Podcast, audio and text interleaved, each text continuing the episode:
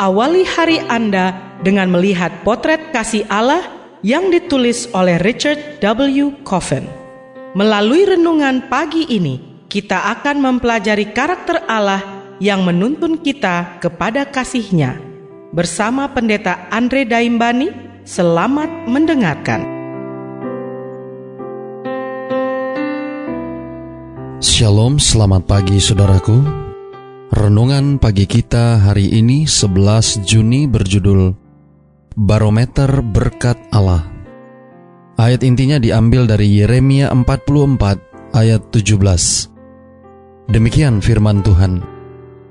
Kami akan membakar korban kepada Ratu Sorga dan mempersembahkan korban curahan kepadanya, seperti telah kami lakukan.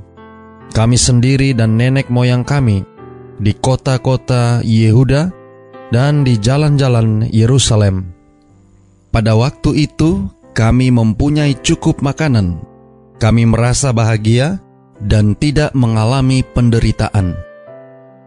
Mari kita dengarkan penjelasannya. Nasib Yeremia akhir-akhir ini mengerikan. Tiga kali dia dipenjara dan sampai pada satu titik yang menghancurkan hidupnya. Untunglah Nebukadnezar memperlakukannya dengan lebih hormat dan ramah dibandingkan raja sebangsanya dengan memberikannya kuasa penuh untuk tinggal di mana pun yang dikehendakinya. Sekarang, sang nabi ditemani sepasukan pengawal menuju ke Mesir Selatan. Pada titik inilah sekelompok pemimpin mendekatinya dan mendesaknya untuk mendoakannya agar Tuhan Allahmu memberitahukan kepada kami jalan yang harus kami tempuh dan apa yang harus kami lakukan. Sebagaimana dicatat dalam Yeremia 42 ayat 3. Mereka berjanji, maupun baik ataupun buruk, kami akan mendengarkan suara Tuhan. Sebagaimana dicatat dalam ayat yang keenam. Tetapi mereka tidak menyukai nasihat yang diberikan Yeremia agar tidak menetap di Mesir dan tetap berangkat ke sana dan bersikukuh tidak menaati nasihat Allah. Mereka menetap di kota Tapanhes, di mana sekali lagi mereka menentang Yeremia dengan memberontak kepada kehendak Allah. Kali ini, mereka dengan tak malu menyampaikan niat mereka untuk menyembah Dewi Mesopotamia Istar yang dikenal sebagai Ratu Sorga. Bahwa Dewi Asyur Babel ini digandrungi di Yehuda didukung oleh ditemukannya bukti arkeologis berupa 800 arca patung ini di Yehuda di mana hampir separuhnya ditemukan di kota Yerusalem sendiri.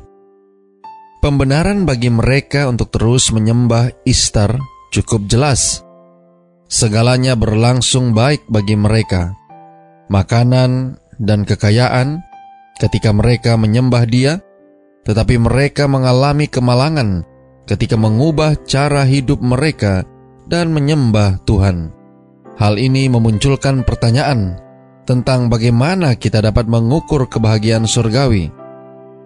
Saudara-saudara yang kekasih di dalam Tuhan, Hari ini kita mendengar hal yang serupa ketika para pengkhotbah terkenal mengkhotbahkan Injil kemakmuran.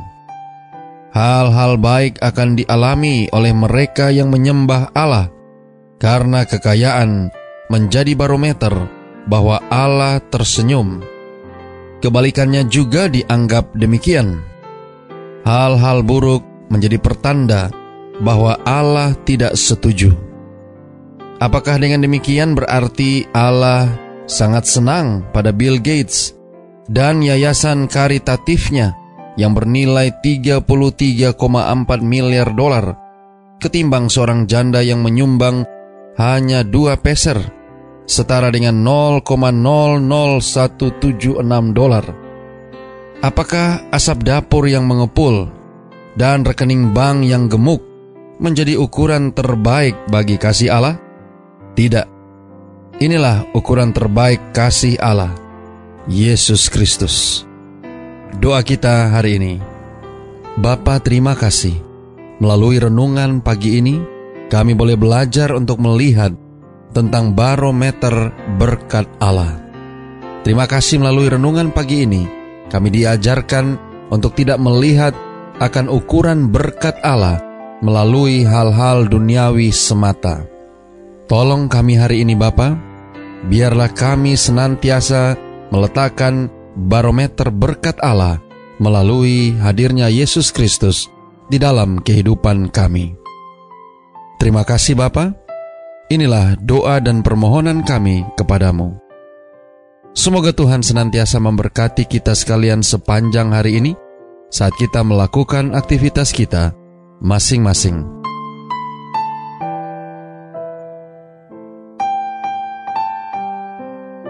Demikianlah tadi pembahasan tentang potret kasih Allah. Semoga firman Tuhan hari ini dapat menjadi berkat bagi Anda. Sampai jumpa, Tuhan memberkati.